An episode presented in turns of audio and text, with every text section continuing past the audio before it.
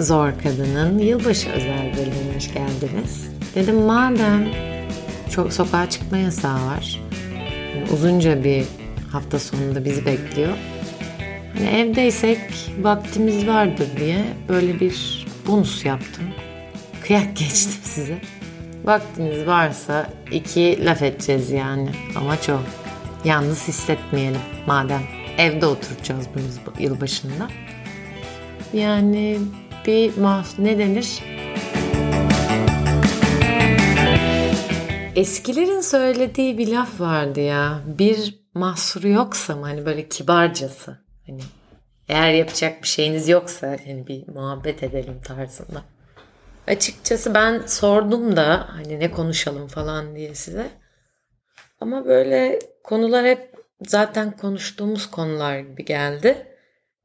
O yüzden açıkçası şey yapamadım yani çok yatmadı kafama. Ama bir yandan da hani bu bölümde neler yapsam diye düşünürken aklıma başka bölümlerde yapmak istediğim şeyler geldi. Mesela ha bunlara girmeden önce bu arada bir şey söylemek istiyordum. Her ne kadar hani bu yılbaşı bonus falan desek de maalesef ben bu kaydı 30 Aralık günü yapıyorum, gecesi yapıyorum. Bu sabah aldığımız bir habere göre, birkaç habere göre hatta. Önce Aylin Sözer, eski sevgilisi tarafından boğazı kesilerek ve daha sonra yakılarak öldürüldü. Ardından aynı gün içerisinde alıyoruz ki haberi Selda Taş silahlı vurularak öldürüldü. Daha sonra Gaziantep'te yaşayan Vesile Dönmez oğlu tarafından rehin alındıktan sonra başından pompalı tüfekle vurularak öldürüldü. Her gün böyle haberler alıyoruz zaten. Böyle haberleri alıyoruz. Ben burada elimden geldiğince de bunları tekrar edeceğim. Her ne kadar yılbaşı bölümü de olsa bugün yani biliyorum neşeli olmak istediğiniz bir gün, umutlu olmak istediğiniz bir gün. Yılbaşının amacı o yani.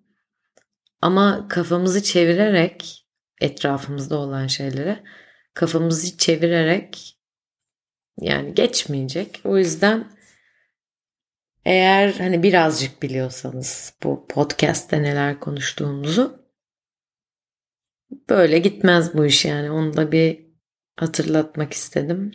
Bir şekilde İstanbul Sözleşmesi'nin gerektiği gibi uygulanması için her mecrada, sosyal medyada ya da işte buralarda bu konuyu tekrar açacağız. Gerçek yani e, tabii şey sosyal mesajı verirken Allah sabır versin yani başka bir şey diyemiyorum. Umarım failler de hak ettiği cezayı bulur. Yani umuyoruz tabii artık yani çok sinir bozucu bir durum. Ama konuşmayı da bırakmayacağız işte yani yapacak bir şey yok. Bu bölüm e, ne konuşacağız diye açıkçası aklımda bir şeyler var. Ama genel böyle büyük bir ne diyeyim büyük bir çerçeveden konuşmak istiyorum. Çünkü çok küçük olaylara takıldığımızda ya da onları incelediğimizde ister istemez müthiş bir umutsuzluğa kapılıyor insan. Bu arada sizinle beraber yani siz şu an beni dinlerken ben de bu konuyu bir araya getireceğim yani bir araya getirmeye çalışacağım. Ne demek istiyorum şu an? Bir önceki bölümde de söylediğim gibi yılbaşının amacı bir umut yani. Hayat zor çünkü farklı şekillerde test ediliyoruz hepimiz. İşin bir fiziksel kısmı var ki Türkiye'de o zaten zor. Ne gibi? İşte geçen hafta açıklanan asgari ücret gibi. Realiteden kopuk kişiler tarafından yönetiliyoruz. eğitim konusunda bunu da geçen bölümde söyledik.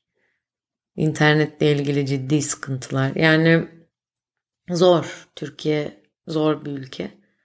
Başka bir yerde yapabilir misiniz? Yani yapılabilir yapanlar var. Onun da farklı zorlukları var. Bir de hani biraz isteseniz de yapamayacağınız durumlar var. Bir de öyle gerçekler var. Sonuçta her ne kadar kalkıp ben Fransa'da yaşayacağım demek isteseniz de bu işin ya Fransa'da kapılarını açtı sizi beklemiyor yani ya da başka bir ülke yani neyse. Fiziksel olarak bu ülkede yaşamak zor. Duygusal olarak da psikolojik olarak da bu ülkede yaşamak zor. Ama bir yandan eğer böyle dünyayı takip ediyorsanız dünyada yaşamak da zor. Dünya olduğu için değil yani hani bu küreselleşme hani her yerden her şeyden haberdar, haberdar olma, benzer kıyafetleri giy giyme, benzer yemekleri yemek falan hani bu tek bir kültüre doğru gidiyoruz. Tek bir insan tipine doğru gidiyoruz. Belki 2000'li yıllarda doğanlar bilmez ama 90 hani benim çocukluğumdan 90'lı yıllarda böyle kültür hakkında kitaplar olurdu işte. Ukrayna'da nasıl giyinirler? Latin Amerika'daki kadınlar nasıl giyinir? Şuradaki erkekler nasıl dans eder? Tabii ki bunlar böyle eski kafalı şeyler gelebilir size yani hani kültür niyet içine doğduğumuz kültüre bağlı kalalım. Daha fazlasını keşfetmeyelim gibi. Evet bu konuda katılıyorum. Ama daha iyi bir yere gitmedik. Onu söylemek istiyorum sadece. Yani kendimizi kısıtlamayalım dediğimiz noktada bir sonrasında bir anda tek kültüre düştük. Yani moda mesela burada çok büyük bir rol oynuyor. Instagram'da birkaç şey görüyorsunuz işte atıyorum o dönem neon renkler. Sokağa çıkın hani böyle Nişantaşı ya da popüler olan yani yerlere gidin Bağdat Caddesi falan. Sürekli neon üzerinde neon kıyafet olan kızlar kadınlar çocuklar bu şey de yok bu arada yani bunu böyle kadınların üstüne yığmak istemiyorum yani çocuğundan yetişkinine erkekten kadın herkesi kapsıyorum bu anlamda. Ya da o dönem pastel renkler işte anladınız ne demek istediğimi. Bu ne dedi trendleri uyguluyor olabilirsiniz bu arada ben nasıl yapıyorlar bunu falan gibi söylemiyorum. Yani Instagram'da atıyorum New York'ta ya da Avrupa'da ya da Rusya'da birinin yaşayan birinin üstündeki kıyafeti görüp ve onun gibi giyinen insanları bulup işte screenshot alıp bir mağazaya gidip ona göre kıyafetler alıp onu kendiniz yani kendimizin giymesinden bahsediyorum. Anlatabildim mi? Hani bu süreç beni ilgimi çekiyor bizim bunu yapmamız değil de ya da işte neon yerine bilmem ne pastel renkler giymemiz değil de pastel renkler yazdığınızı dünyanın her dünyadaki her kültürün her ülkeden bireyin bununla ilgili bir postu içeriği var. Bu bana çok enteresan geliyor. Bilmiyorum sizde beni etkilediği kadar etkiliyor mu? Böyle düşününce de gezmenin, görmenin bir anlamı kalmayacak böyle giderse. Yani tabii ki keşfedilmemiş yerler mutlaka var. Ama ya da kendine özgü kalan. Mesela geçen günlerde yeni bir kelime öğrendim. Over tourism. Yani turizmin over çok fazla olması. Öyle bir şey ki güzel bir kelime ki ben bunu mesela daha önce gittiğim, uzun senelerdir gittiğim işte İzmir'in şey Çeşme Alaçatı bölgesinde çok görüyorum. Orası son özellikle 5 senede o kadar popüler oldu ki artık Alaçatı Alaçatı'ya benzemiyor. Alaçatı böyle şey gibi oldu. Oyun parkı gibi bir yer oldu yani böyle plastik hani aslında sadece orada yazın iş yapan hani kışın çünkü oranın yerlisi vardı. Yani orada yaşayan insanlar oradan ne bileyim hani kışın da orada çalışan oradan uzun senelerdir para kazanan işte antikacılar vardı. Kendine has böyle ufak tefek restoranlar vardı falan. Onların hepsi kayboldu ve böyle abuk subuk bangır bangır müzik yapan gece kulüpleri tarzında ya da böyle tuhaf tuhaf ışıklı nargile kafeler falan. Tuhaf bir yer oldu yani Alaçatı böyle bir yer değildi. Biz bunu over turizm denen şeyi Türkiye'de yüzde yüz yani böyle bir açık vardı önce kelimeyle ilgili. Şey halk arasında e, şey bokunu çıkartmak denir ya. O yani aslında. Bir nedense ayarını tutturamıyoruz yani gerçekten böyle suyu çıkana kadar bir şeyi işte ya da o influencerlardan bir tanesi gidiyor. Oradan bir kahvaltıcıdan resim koyuyor. Bir ay sonra adam işte normal fiyatın iki katına satıyor her şey falan. Ya da bir anda herkes orada oraya gidip denemek istiyor. Neyse işte yani ben buna dehşetle izliyorum bu süreçleri. Nereye gidecek diye merak ediyorum çünkü. Bunu belki sadece Türkiye'de de yaşamıyoruz bu arada. Yani şey nedir adı geçen bir yerde okudum. Bu Hadid kardeşlerden e, Cici olan sarışın, gerçi ikisi de sarışın galiba şu an. Ya bir tanesi işte bir tane makarnanın resmini koymuş ve makarna da şeymiş orada Amerika'da işte bir restoranın spesiyaliymiş. Yani kendi uydurdukları demek istemiyorum da ne denir? Şefler kendilerine has bir yemek yapınca. Neyse o kelimeyi bilmiyorum yani işte bir tane kendine has bir yemek yapıyor oradaki aşçı. Ve o makarnanın da adı makarna yemek e, o restoranın adı oluyor. Biraz kötü anlattım galiba. Neyse sonra bir anda o makarna e, cici cici makarnası mı? Ay böyle deyince de çok komik geldi. Yani işte Cici'nin yediği makarna anlamında popüler oluyor. Hani makarnada da bir şey yok bu arada yani gerçekten bir espri yok. Bildiğiniz domates soslu makarnayı biraz acılı ve bol yağlı bir de vodka ile yapıyorlar yani yemeği. Restoran zaten sıfır kredi alıyor. E, umarım umarım derken yani eminim umacak bir şey yok. Nedir adı? Restoran büyük sükse yapmıştır. Bu arada restoranın da öyle bir şey ihtiyacı yok anladığım kadarıyla. Yani ünlü bir yermiş zaten orası. Ama tabii Cici koyunca herkes duydu böyle bu durumu. Yani bu da bana çok enteresan geliyor mesela. Burası senelerdir nedir adı yani çok başarılı bir yerken karbonmuş. Karbonara mı? Neyse ya. Ben de ayıp mı ediyorum acaba şu an? Makarnanın konu bu değil gerçi. Bu bir örnek olarak verdim yani size. Burada tabii bir de bir dejenerasyon var. Yani bir kültür anlamında bir, kay, bir kaymadan bahsediyoruz. Nasıl bir şey? Mesela eğer yurt dışına gitme imkanınız olduysa genellikle özellikle Avrupa'da kültürü devam ettirme çok önemlidir.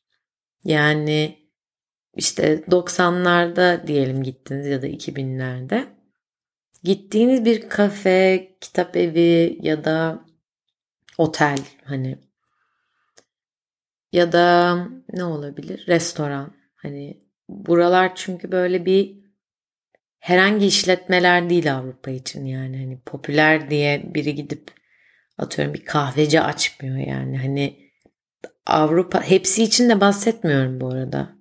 Ama çoğunluğundan bahsediyorum. Bir bir hissiyat, bir amacı oluyor. Ve o bir kafede olsa ya da bir ne bileyim işte şarap dükkanında olsa ya da kitap evi de olsa neyse aile ya da bir yerden hani ailenin bir ferdi o kültürü devam ettirmeyi bir sorumluluk olarak yani biliyor, hissediyor. Bu erdemli bir hareket. 20 sene sonra gidin. Büyük ihtimalle o beğendiğiniz, kendine has dediğiniz, hani uydurma olmayan kitap evi orada olacak hala. Nedense bu bizim ülkemizde çok nadir rastlanan bir şey.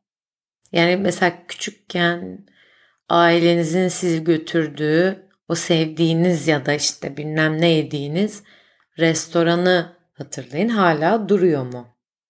Ya da anne babanıza sorun hani işte gençken gittikleri o kitapçı, kafe, restoran, belki tanıştıkları yani neyse duruyor mu hala? Buna biz mimarlıkta mekan hafızası diyoruz. Mekanın yani bir bu bir açık bir alan olabilir, kapalı bir alan olabilir. Mekanın hafızası. Bu niye önemli? Birey yani işte sen, ben, onlar içinde yaşadığı toplumun nereden geldiğini, ne tarz şeylere önem verdiğini, erdemlerinin neler olduğunu bu şekilde anlayabiliyor.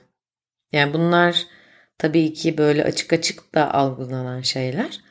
Ama bir de bilinç altında ister istemez bu duruma verilen önem.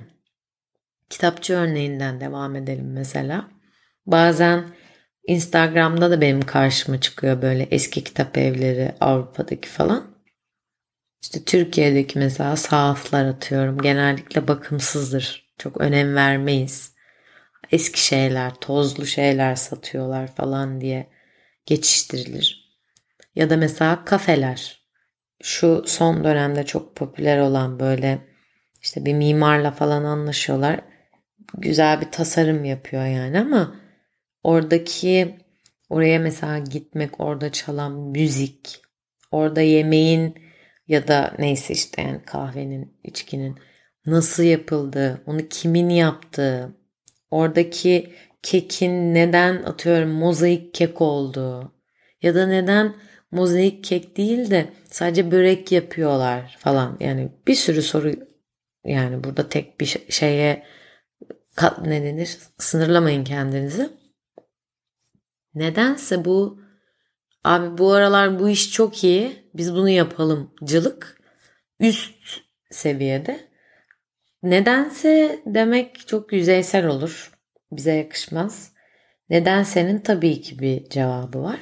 Ee, işte ekonomik sebepler. Yani söyledik burada bahsettik sanırım. Yakın yani bundan 2-3 gün önce şey açıklandı. Asgari ücret açıklandı evli ve çocuklu birinin bu parayla geçinmesi imkansız. Beni dinleyenlerin çoğu üniversitede yani sizler çoğunuz üniversite ya da ya okuyorsunuz ya üniversite mezunusunuz. Yani bir gencin gelecekle ilgili umudu olması lazım. Yeni yılın amacı da burada bu dedik. Ben umutsuz umup konuşamadım umutsuzluğa düşelim diye tabii ki tekrarlamıyorum bunu ama gerçekleri görelim diye yani nerede yaşıyoruz, nasıl yaşıyoruz ve daha sonrasında biz nasıl yaşamak istiyoruz, nelere sahip çıkalım. Mesela bu dönemle ilgili çok üzücü şeylerden biri yılların yani işletmeleri, işte kafeteryaları ya da kitap evleri ya da mağazaları yani bir ayakkabı falan da satabilir önemli değil. Ama bir kültürü yaşayan yani kültürü yaşatan işletmelerin pandemi süreciyle yardım alamadıkları için kapatmaları. Bu bu bir kayıptır bizim için. Çok ciddi bir kayıptır. Çünkü ruhu olan bir şey zor bulunur yani ve emek zaman alır. Hani siz şimdi isteseniz de o iki jenerasyondur ya da üç jenerasyondur neyse elden ele geçen bir işte kafeterya ya da kitap eviyle yarışamazsınız. Bunların en güzel örneklerinden biri Beyoğlu'ndaki İnci Pastanesi'dir. Oraya sadece profiterolü güzel diye gitmez kimse. İnci'nin bir hikayesi var, bir geçmişi var, bir tarihi var. Oraya gitmek yani o mekanı solumak, işte orada çalışan abilerin kılık kıyafeti, oradaki işte yazar kasa, dolaplar yani bu bir, bir bütündür. Ve oraya gittiğinizde işte seneler önce Beyoğlu'nda o böyle kibar kibar giyinen, kafasında şapkalı, işte eldivenli, genç Beyoğlu'nda gezen erkeklerin ve kadınların yediği, oturduğu inci pastanesinde yersiniz. Bunun aynı zamanda toplum hafızasında daha gündelik olaylara bak bakarsak Türkiye gündemi o kadar hızlı değişiyor ki balık beyinli olduk yani hani bugün konuştuklarımızı yarın unutuyoruz. Ya da bu hafta konuştuklarımızı bir sonraki ay. Yani şöyle bir oturup kendinize ya geçen hafta ne olmuştu? Ondan önceki ay ne konuşuyorduk falan diye soramıyorsunuz. Çünkü dehşet yani. Dehşet verici.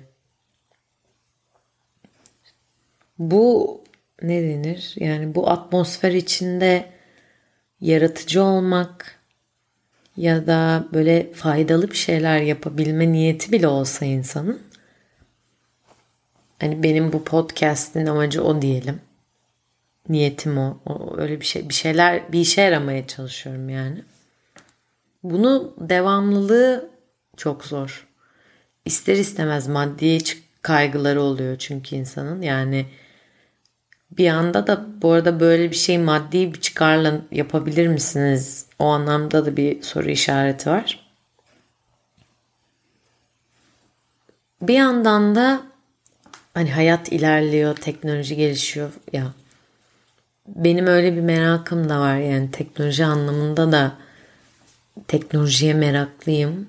Anlamaya çalışıyorum, denerim. Hani yeni şeylere okurum falan. Teknoloji nin amacı insan hayatını kolaylaştırmak. Yani tıp mesela tıbbın bir amacı var yani insan hayatını kaliteli hale getirmek, hasta, insan hayatını uzatmak, işte hastalıklara çare bulmak falan filan. Mesela buradaki tıp tıpçılar bilir. Peki tıp etik olması gereken bir şey midir? Mutlaka etik dersi alırlar şu şu demek konuya uzak olanlar için. Şu an kullandığımız ilaçların çoğu ya insanlardan habersiz mesela onlarda kullanıldı, denekler belki kaybedildi ya da işte savaşta bulundu aslında öncelikle bu ilaçlar çünkü orada ihtiyaç daha büyük. Tıp etik olması gereken bir şey midir? Soru işler. Ben bunun hakim değilim bu arada bu konuya. Yani ilginizi çektiyse okuyun. Hukuk mesela hukuk adalet için değildir aslında. Bir sonraki şeyler olmasın diyedir. Yani hukukun amacı toplumun çoğunluğuna bir düzen getirmektir. Yani biz belli işte bir grup insan olarak böyle bir yerde yaşamak istiyoruz. Böyle kurallarımız var. Sen eski karını öldüremezsin kardeşim. Sen çocuğa işte tanımadığın ya da ailenden de olsa bir çocuğa sarkıntılık edemezsin falan filan gibi böyle yani. Aynı şekilde de hani böyle bilimlerin ve mesela mimarlıkta da bu çok tartışmalı bir sorudur mimarlıkta. Yani mimarlığın amacı nedir? Ve mimarlar çoğu zaman farklı cevaplar da verebilir eğer ilginizi çekerse. Mesela şey de denir hani mühendis varsa mimara ne gerek var? Ama öyle değil. Mimar ve mühendisin bir arada çalışması gerekiyor. Mimarlık bana hep e, bir hikaye anlatmak gibi geliyor. Yani işte mekanın hafızası dedik ya mesela. Biz aynı zamanda duygusal varlıklar olduğumuz için içinde yaşadığımız işte bina, apartman ya da neyse yani bunlar bizim için önemli. En önemli şey değil ama bir yerden sonra önemli olan bir şey. Belki o anlamda hani tıp kadar önemli bir şey değil mimarlık ya da tasarım diyelim daha genel. Şimdi teknolojiye geri gelelim. Teknolojinin amacı dünyayı daha iyi bir yer yapmak değil. Dünyayı daha kötü bir yer yapmak da değil. Teknolojinin böyle bir derdi yok. Teknoloji bir şeyleri kolaylaştırmakla uğraşıyor. Yani amacı bu. Bu ne demek? İşte önce telefon hattı, sonra telefon, sonra işte şu an cep telefonu tabii arada bir 50 yıl falan var ama ne demek istediğimi anladınız.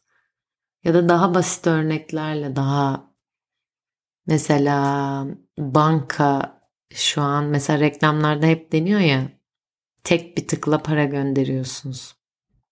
Bilmeyenler için söyleyeyim bunu. Eskiden eğer bir işletmeniz ya da ne bileyim iş adamı ya da herhangi yani para göndermekle işi olan bir insansanız sabah gidersiniz aynı devlet dairesi gibi bankada beklersiniz sizin sıranız gelir Ondan sonra evraklar doldurursunuz. O paralar sayılır falan.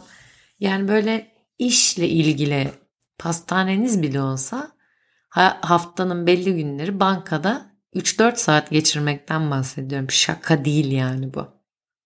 Ve bu bankacılık sisteminin işte telefonla bu kadar kolay olması mesela ne jenerasyonu için yani 90'lara kadar çok zor olan şey bir anda bir app'in içine sığdı falan. Ya da yemek sistemi mesela yani şimdi evde yemek yoksa kalkıp hani bir markete bile gitmene gerek yok. İşte iki şey bile olsa yani bir tane eskiden bir de böyle bir şey vardı yani bir tane süt ihtiyacınız var. iki kutu süt alacaksınız. Bunun için kurye çağrılmazdı yani. Bu böyle ayıp ve ne bileyim tuhaf bir şeydi yani. Teknoloji her her şekilde karşımıza çıkıyor. Kaçabilme imkanımız yok teknolojiden. Çağ dışı bir şey zaten ben onu savunmayacağım. Bu jenerasyonda genç olmanın zorluklarından biri direkt teknolojinin içine doğduğunuz için yani hayatınız o kadar bununla beraber ki ayıramıyorsunuz. Bu olmadan onu hayal edemiyorsunuz tabii doğal olarak yaşamadığınız için. Bu çeşitliliğin ne kadar absürt olduğunun da farkında değilsiniz bir yandan. Yani biraz daha açayım ne demek istediğimi. Şimdi bir hala manuel olarak kendimizi geliştirmek mümkün. Bu işte üniversiteye gitmek olabilir, kitap okumak olabilir ki bunların içinde de nasıl gitmek istediğiniz üniversiteyi hani araştırıyorsun işte şöyle mi böyle mi falan. Aynı şekilde kitaplar içinde ya o kadar çok kitap, o kadar çok yazar, o kadar çok yayın evi var ki ve bunu da bıraktım. O kadar çok konu var ki okuyacak. Benzer bir şey şu an teknolojinin sınavıyla veriyoruz. Yani bu olay da bu kadar çeşitliliğin absürtlüğü de ilk defa teknolojide olmadı. Onun altını çizmeye çalışıyorum şu an. Podcastler mesela yani neredeyse yüzlerce podcast var şu an listelere falan baktığımda ben de görüyorum. Ya da YouTube kanalları ya da Instagram hesapları. Ya biz nereye kadar içerik takip edeceğiz? Tabii ilgi çektiğiniz konulara göre eminim muhakkak. Ben bazen ilgimi çekmeyen şeyleri de takip ediyorum. Böyle tuhaf bir tarafım var. Meraklı bir insanım. Araştırmacı tarafım epey baskın. Memnun olduğum bir şey bu benim. Ama yoruyor yani. Kendimi yormadan bunu nasıl yapabilirimi çözmeye çalışıyorum. Ve çözmeye çalışırken de fark ettiğim şeyler bunlar. Beynimizin içine ne koyduğumuza yani bu podcast'ta daha önce konuştuğum bir şeydi. Ne izliyoruz, ne dinliyoruz, ne okuyoruz. Çok artık bir de ne takip ediyoruz tabii ki. Çok dikkat etmemiz gerekiyor. Bu aynı besin gibi yani hani yeni jenerasyon Z kuşağı beslenmeyle daha ne diyelim daha ilgili. Çoğu sağlık için alkol kullanmıyor, sigara içmiyor, spor çok dikkat ediyor falan. Hani 90'larda sigara içmek havalı bir şeydi. Şimdi yok yani elini sürmüyor falan. Bunlar tabii ki güzel şeyler yani sağlık için. Ama ama demeyelim ama olumsuz oluyor. İşte sağlığına dikkat atıyorum şimdi. Yani örnek verdim tabii ki.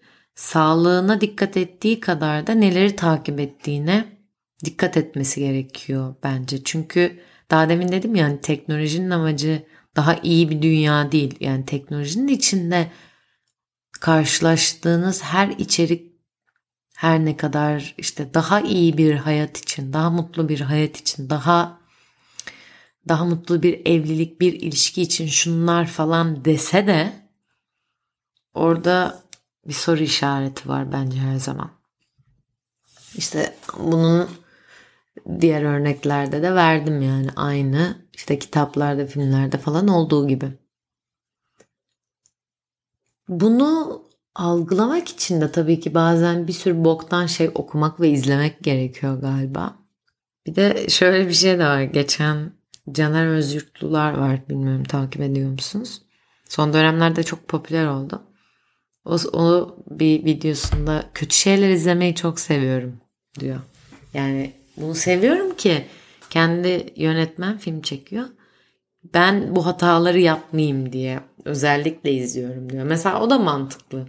Eğer öyle bir denge oturttuysa hani kendi içerisinde o da okey bence.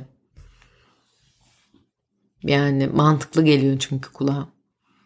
Bunu yapabilmek için ama tabii bir insanın kendini incelemesi gerekiyor yani. Neyi neden yapıyorum. Bunu yapabilmek için de insanın bir derdi olması gerekiyor.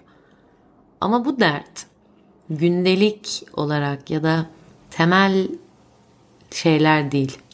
Yani insanın ne derdi var? İşte herkes para kazanmak istiyor tabii ki. Yani hayatta her şey parayla alakalı çünkü.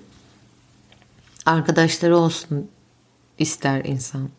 Anlaşılmak ister ya da yok daha daha basit şeylerden bahsedelim. Doymak isteriz hepimiz. Ne bileyim böyle kendimizi içinde rahat hissettiğimiz kıyafetlerimiz olsun isteriz. Ne bileyim güzel uyumak isteriz. Rahat hani kafamızı yastığa koyunca falan. Böyle dertlerden bahsetmiyorum. Benim bahsettiğim daha çok böyle daha içeriden gelen yani o kendinize dert ettiğiniz şey büyük ihtimalle dünyada zaten olan bir problem bu arada. Yani çok bağımsız bir ya da çok unik bir şeyden bahsetmiyorum dertten. Bu söylediğim şey mesela hani benim kendime dert edindiğim hani burada konuştuğumuz toplumsal cinsiyet meselesi. Yani bir erkek bir kadından önce ya da aradaki diğer cinsiyetler, skaladaki diğer cinsiyetler önce insan olduğumuz. Ben güzel bir yemek yaptığım için ya da yaparsam ya da karşımdaki erkek güçlüyse, çok para kazanıyorsa ya da iyi bir anne olmak için işimi bırakıp hani ama aslında istemiyorum belki kocam bakmak istiyor falan. Neyse toplumsal cinsiyet rollerinden örnekler vermeye çalıştım da çok yüzeysel. Çünkü o kadar derin bir konu ki herhangi bir konu gibi. Benim derdim bu. Size tavsiyem bir derdiniz olsun. Bu gerçekten herhangi bir şey olabilir. Ama bu sizi ne kadar vakit harcadığınızı, ne kadar emek verdiğinizi ölçekle bile yani ölçemeyeceğiniz bir şey olması lazım. Sizi tedirgin eden, sizi düşündüren, çözmek istediğiniz ve bir yerde acıtır bu arada yani acıttığı için zaten anlamaya çalışırız, çözmeye çalışırız. Beni niye acıtıyor diyorsanız o tipik hep söylüyorum. O tipik rolde değilim ve sevilmek için ya da bir kadın olmak için de o rolde olmak istemiyorum. Hani ne zaman fark ettim? Başkaları da var. Hani ben o noktada konuşmaya başladım. Anlatmaya başladım. Böyle bir dert edinmek çok insani bir şey bence ve her yere yetişme gerçekten bir illüzyon yani hani biraz işte çevre kirliliğiyle ilgili araştırma yapayım. Biraz feminizm hakkında araştırma yapayım. Biraz beslenme ile ilgili. Ya tabii ki genel olarak hani ne denir? Entelektüel seviyede biriyle konuşacak kadar bunlardan haberdar olmak bence aslında bir şey göstergesi. Ne diyelim? Yani bir eğitimli birinin Hani modern birinin görevi bence. Ama gelişmemiş ülkelerde bizim gibi artık gelişmekte olan değiliz çünkü. Rakamlar onu gösteriyor yani dünya standartlarına bakarsanız. Tabii ki böyle şeyler öncelik olmadığı için haklı olarak tabii ki vaktimiz yok. Daha büyük problemlerimiz var çünkü yani giyin, yeme içme, giyinme ve barınma gibi.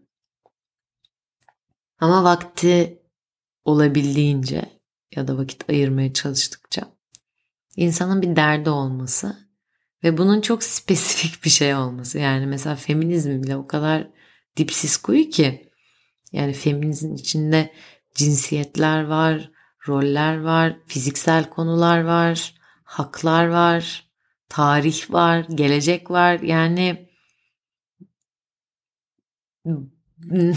kelime olamadım. Uzay gibi işte yani milyon, milyar, sonsuz. Ama spesifik bir şey yani işte dediğim gibi. Hem ne kadar kafa yorduğunuzu ölçmeyeceksiniz. Koymayacak çünkü. Zaten koymuyor da bu arada yani. Bazen şey de olabilir bir, bu arada. Yani bir yere yönelirsiniz ya mesela işte ben şimdi kendi kitaplığıma bakıyorum. Benimki sosyolojiyle başladı. Bundan önce psikoloji yok en başa dönelim. İlk psikolojiyle ilgili okumaya başladım. Sonra baktım ki sosyoloji daha benim benim ilgimi çekiyor. Sosyolojiyi okurken daha çok kadın erkek yani toplumdaki dinamikleri okurken daha çok kadın erkek ilişkileri aslında bu da heteroseksüel olarak şey yani hani kendimi kısıtladığım bir şey. Ama sanırım o da kendimden yola çıktığım için ister istemez seçtiğim bir şey oldu. Daha sonra ilk dedim ki bugünü anlamak için tarih okumam lazım. Tarih okumaya başladım. Sonra tarih okudukça daha da sinirlendim. Ve bugün artık biliyorum ki toplumsal cinsiyet tarihle de el ele geçtiği için aslında tarih de okuyorum bir yandan büyük büyük gelişmeler var çünkü yani bugün yaşadıklarımız için müthiş derecede minnettar olmamız lazım. Ben o yüzden burada tarih anlatmaya çalışıyorum elimden geldiğince. Özellikle yani Osmanlı hani Cumhuriyet'ten önce kadın hani bir Osmanlı özendirmesi var ya bu dönemlerde. Yok yani olacak iş değilmiş yani Osmanlı'da kadın gerçekten beş para etmez yani hani köle gibi bir şey. Ama şeyden değil. Yani erkekler kötü davranıyormuş diye söylemiyorum bunu. Eminim o dönemlerde yaşayan çok beyefendi Osmanlılı insanlar vardır. Ee, hukuk, kanun karşısında yokuz. Yokuz yani. Mal mülk sahibi olamıyorsun. İstediğinde boşanamıyorsun. Eğitim alamıyorsun. Nesin sen? Sadece çocuk doğur. Evlenme çocuk doğur. Bu bu arada yani bu konular açıldığında hep böyle Aa, ne var ki ben de bunu yaptım. Yani evlendim. Yapabilirsiniz ama her kadını başka seçeneksiz bıraktırmak ve her kadına bunu yapacaksın demek bu bir özgürlük değil. Bu bütün kadınları damızlık olarak kullanmak demek. Eğer kendi kendi iradesiyle isteyerek bunu seçiyorsa bir kadın bunda hiçbir problem yok. Hep bunun altını çiziyorum ben. Ama kavga etmek isteyenler ne var ki falan diyor yani böyle bir şey. Siz de bunu tekrarlayın yani bu ince bir konu çünkü. Her kadının önünde seçenek olsun ve isteyen istediği zaman evlensin, istediği zaman çocuğunu doğursun. İsteyen de yok ben çalışmak istiyorum şimdi ve evlenmek istemiyorum desin. Ama biz bu iki insanı hangisi daha kadın diye konuşmayalım. Ve erkeği de aynı şekilde yani bir erkek daha çok para kazanıyorsa ona adam demeyelim gibi bir örneklendirmeyle 40 dakikaya geldik. Yılbaşı özele bakar mısınız? İpek'in çenesi müthiş derecede düştü gördüğünüz gibi. Bilmiyorum böyle toplayabildim mi sizin için? Ya da keyif aldınız mı bu bölümden? Genel olarak o hani dedim ya oraya baktığımızda aslında iyi bir yerdeyiz. Tarihi incelediğinizde. Kısa zamanda epey değişiklik olmuş. Ama her gün böyle haberler alıyoruz ya. Ve bu insanlar aslında bir şey seçmediler. Yani ben kendimi feda ediyorum işte feminizm için, ilerideki kadınlar için demediler. Böyle bir seçimleri yoktu. Bunun önüne geçebilmek eğer bizi rahatsız ediyorsa bir yerde borç bence. Yani ben en azından öyle düşünüyorum. Bu anlamda da hani daha önce de söyledim. Bazen ben umutsuz oluyorum. Umut veren şeyler arıyorum. Bu konuda konuşan insanları arıyorum. Bazen de işte başkalarında olmuyor. Ben bunu anlatmaya çalışıyorum. Benim derdim de bu açıkçası. Öbür dertler daha mı önemsiz? Hayır. Ama hepimizin bir şey yapması gerekiyor. Yani birinin işte nasıl bir örnek vereyim? Hepimizin bir derdi olması gerekiyor. Yani çok insancıl bir şey ve evet 2021 yeni bir yıla giriyoruz. Pes etmek ya da umutsuz olmak gibi bir hakkımız yok bence. Biraz kendime de açıkçası bunu ne denir söylüyorum. Umutsuz olacak bir durum yok. Ama umutlu olabilmek için de sanırım bir şey yapmamız gerekiyor. Öbür türlü kabul etmiş oluyoruz. Tabii bu böyle yenilgi falan gibi anlaşılmasın yani kabul ediyoruz da aslında yaptığımız şey kabul etmek değil görmezden gelmek oluyor bir şey yapmadığımızda. İşte ben bununla ilgili bir şey yaparım. Sen başka bir şey yaparsın. Hani neyse artık yani. Ama bir derdi olması lazım insanın. Yani bu böyle bir Nazım şiiri gibi geliyor bana yani sanki Nazım'ın söyleyeceği bir şey gibi geliyor da ben okudum mu bunu bilmiyorum. Bedri Rahmi'nin vardı. Üç dil bileceksin. Onun gibi bir şey ya da belki. Çünkü sen geride kal, treni kaçırmış bir milletin çocuğusun diyor Bedri Rahmi. Onun gibi bir şey işte. Derdimizin olması lazım. Bu gündelik e, tabii ki yani insanın hayatta koşturmacası var, öncelikleri var, yetişmesi gereken şeyler var. Ama ben ondan bahsetmiyorum. Ben bu başka bir şeyden bahsediyorum. Yani gözünü kapatanlardan bahsediyorum. İmkanı olup da gözünü kapatanlardan bahsediyorum. Ve bu, bunun artık bitmesi lazım. Yani bu insanları e, böyle ne denir? Yani yüceltmiyoruz da aslında ama ya popüler kültürle ilgili bir şey gerçi bu. Yeni bir şey değil yani. Neyse. Kimseyi de böyle durup dururken kötü şey söylemeyelim. Bir derdiniz olsun diyerek bölümü kapatıyorum. Umarım sağlığınız yerindedir.